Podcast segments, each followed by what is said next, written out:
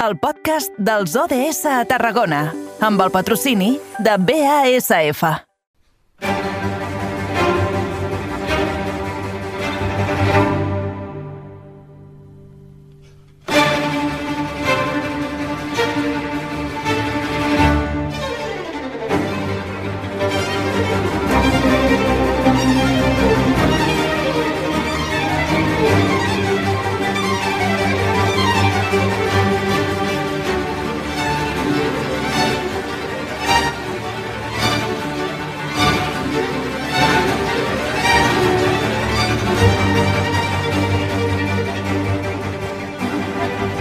Sis minutets passen del punt horari de dos quarts de sis de la tarda. Continuem aquí al carrer Major, continuem el programa de les vuit emissores del Camp de Tarragona. Ja ho saben, amics i amigues. Qui som, qui som, qui som? Doncs mirin, jo els hi explico. Som Ràdio Ciutat de Tarragona, Baix Camp Ràdio, Ràdio Montblanc, Altafulla Ràdio, Ona la Torre, Ràdio La Selva del Camp, la nova ràdio de Reus i Ràdio L'Hospitalet, amb la xarxa de comunicació local. Ara toca el tema ODS. Toca parlar d'aquestes xerrades que s'han fet tan famoses que ningú sap com dir-les, si són les xarxes, les xerrades TED, si són les xerrades TEDx, Aleix, Doncs mira, sí, Toni, això. sí, et, et posaré una mica de llum en el tema perquè avui parlarem, exacte, parlarem dintre dels ODS doncs de- de- d'aquests- d'aquestes xerrades. Primer, abans de tot, dintre de quins ODS ho podem englobar això? Doncs òbviament des, dins del número 9 que es pot parlar d'indústria i innovació i també el número 11 dedicat a les ciutats i a les comunitats el que viuen en aquestes ciutats. Avui per parlar-ne teníem nosaltres a Elisabet Vilella, la llicenciatària del TEDx Reus. Molt bona tarda. Hola, molt bona tarda. Bé, primer de tot, il·lumini'ns, què és el TEDx per tota la gent que potser no ho coneix? Doncs el TED és un moviment internacional que va néixer als Estats Units i que el seu fundador eh, li va posar el lema de idees que val la, pena, val la pena difondre. I d'aquí van sortir el format d'aquestes xerrades, ponències, que són els TED Talks. I llavors hi ha un format que és internacional i que eh, es mostra a tota la comunitat, o hi ha un format que és local i que són els TEDx. O sigui, el TED amb la X és que és el format local. Normalment és un format que va lligat a una ciutat, però també pot anar a un barri o a un altre espai geogràfic. Eh? I el TEDx Reus doncs és el TED de Reus. Per tant, llavors, hi ha moltes coses a explicar, no? I idees que valen la pena difondre aquí, també, al nostre territori. I tant, i tant. De fet, com més escarbem, més ens adonem de que realment aquí hi ha molt de talent, mm, talent nat, diguem, i, i també talent format, no? de, de persones que tenen una llarga trajectòria i que tenen moltes coses a, a poder explicar. I també aquestes persones més joves, no? que han nascut doncs, amb unes capacitats i que potser també tenen coses a explicar des de menys experiència, però també molt interessant.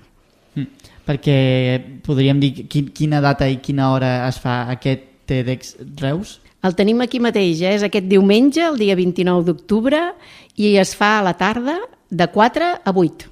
I de, i de, què, com, de quines parts constarà l'acte? Com Sí. la gent que hi vagi, què, què es trobarà? Està estructurat, eh, són les vuit ponències, no? per tant tenim vuit eh, persones que ens il·luminaran amb les seves idees i està estructurat en dues parts. Hi ha una primera part amb, amb cinc xerrades, després hi ha una mitja part. En aquesta mitja part és molt interessant que a part de descansar i poder berenar una mica es pot interaccionar amb els ponents i aquesta és una part molt interessant. Després continuarem i aquest any en fem una cosa especial en acabar, les ponències, perquè com que fem l'aniversari de la desena edició, tindrem els que van portar el TEDx a Reus i els hi farem un, un petit reconeixement i després ja tanquem l'acte i acabem. Mm. Serà molt interessant també veure com, com aquesta idea no? que va començar fa 10 anys aquí al territori està, està ja, doncs és una, és una, és una cita no? que, que molta gent ja, ja acudeix de manera religiosa doncs, cada any. Sí, sí, la veritat és que tenim, diguem, estudiat, no?, i tenim una bona part, diguem, de, de l'auditori o de l'assistència que, que li diem, els, els diem els fidels, no?, que són persones que els hi agrada, que són inquietes, que els hi agrada aquest punt d'escoltar, de reflexionar, i, i després també tenim assistents sempre nous, eh?, i, i això és bo, eh? I tant, i tant, que és una oportunitat molt important. Bé, jo, eh, Friso, tinc moltes ganes de saber quines són les ponències, de què parlaran o quins són els ponents i per què els han escollit també. Sí, cada, en cada un d'aquests esdeveniments s'ha de triar un tema. Eh? Això ja és dins de la normativa del TEDx internacional. I aquest any hem triat el quilòmetre zero. El quilòmetre zero perquè, tot i que és una expressió que últimament s'ha estat utilitzant molt, vam pensar que realment és un moment molt crític no? de la nostra vida, societat, economia, no? etc, canvi climàtic. Hi ha moltes coses que en aquest moment pensem que ens fan pensar en què vol dir això del quilòmetre zero, què és la proximitat, què no és un món global, però volem les coses que, que siguin d'origen, però a la vegada estem compartint dades eh, amb gent de tot el món. No? Llavors ens va semblar que amb aquest tema podíem tenir ponents des de la tecnologia, no? i tindrem l'Emilio Palomares, que ens parlarà de com generar energia de, des de prop. No?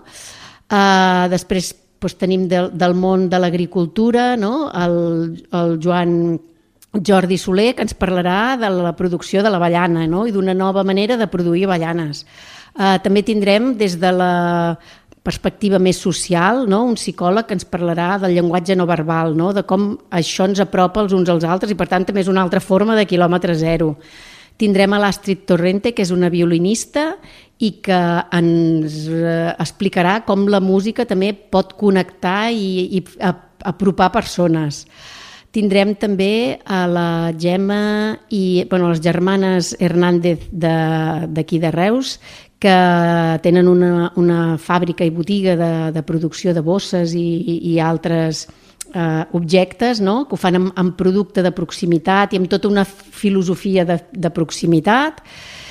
I qui més em deixo? Després el Daniel Olivares, que és, té una empresa de, que, que tracten dades i això de les dades actualment és super interessant saber com es fa, quin impacte té en la nostra societat, no? És això de que generem dades aquí que després es processen a la millor en un altre país i després ens retorna amb una moda o amb una proposta de pel·lícula que podem veure, etc. És a dir, tenim des de diferents àmbits no?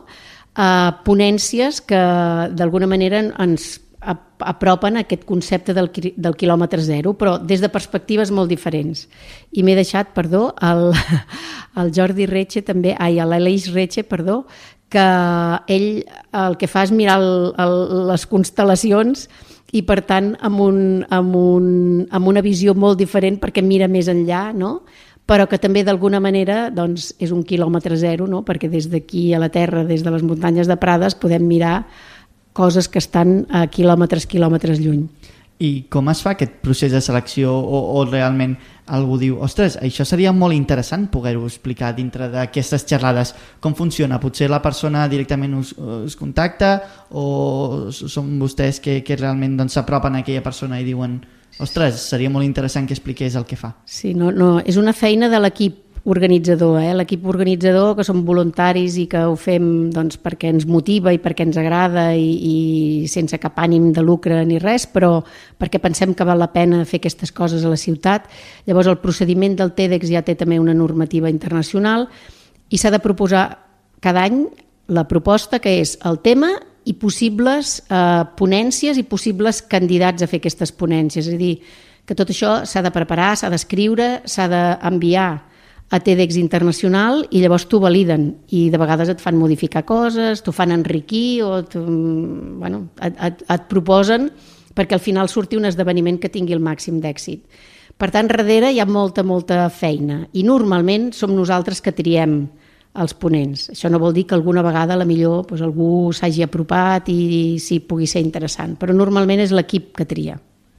I realment és inspirador veure com malgrat aquesta diversitat que comentava, no? també hi ha aquest, aquest quilòmetre zero, realment es pot traçar doncs, un petit fil no? que connecta totes aquestes xerrades i totes aquestes històries, que és el que, el que envolta la gent del territori, no? quan surt a casa, al final podria ser perfectament el veí de, de qualsevol que ens està escoltant ara mateix. I tant, i tant. Jo crec que al final aquestes ponències o xerrades eh, el que fan és això, no? T'estan, de vegades et, et diuen coses que ja saps, no és que siguin noves, però estan a la millor més detall, estan reflexionades, estan exposades de tal manera que, que et fa pensar, que et fa veure que, bueno, que, doncs, que en aquest cas, per exemple, millor que, que el món està canviant o que coses que pensàvem que, que es fan molt lluny, resulta que hi ha professionals per aquí que ho estan fent, que això també és molt interessant, no? Veure que o hi ha una aplicació, o hi ha uns investigadors, o hi ha uns psicòlegs, o que, que, que els tenim aquí i que estan treballant això, no?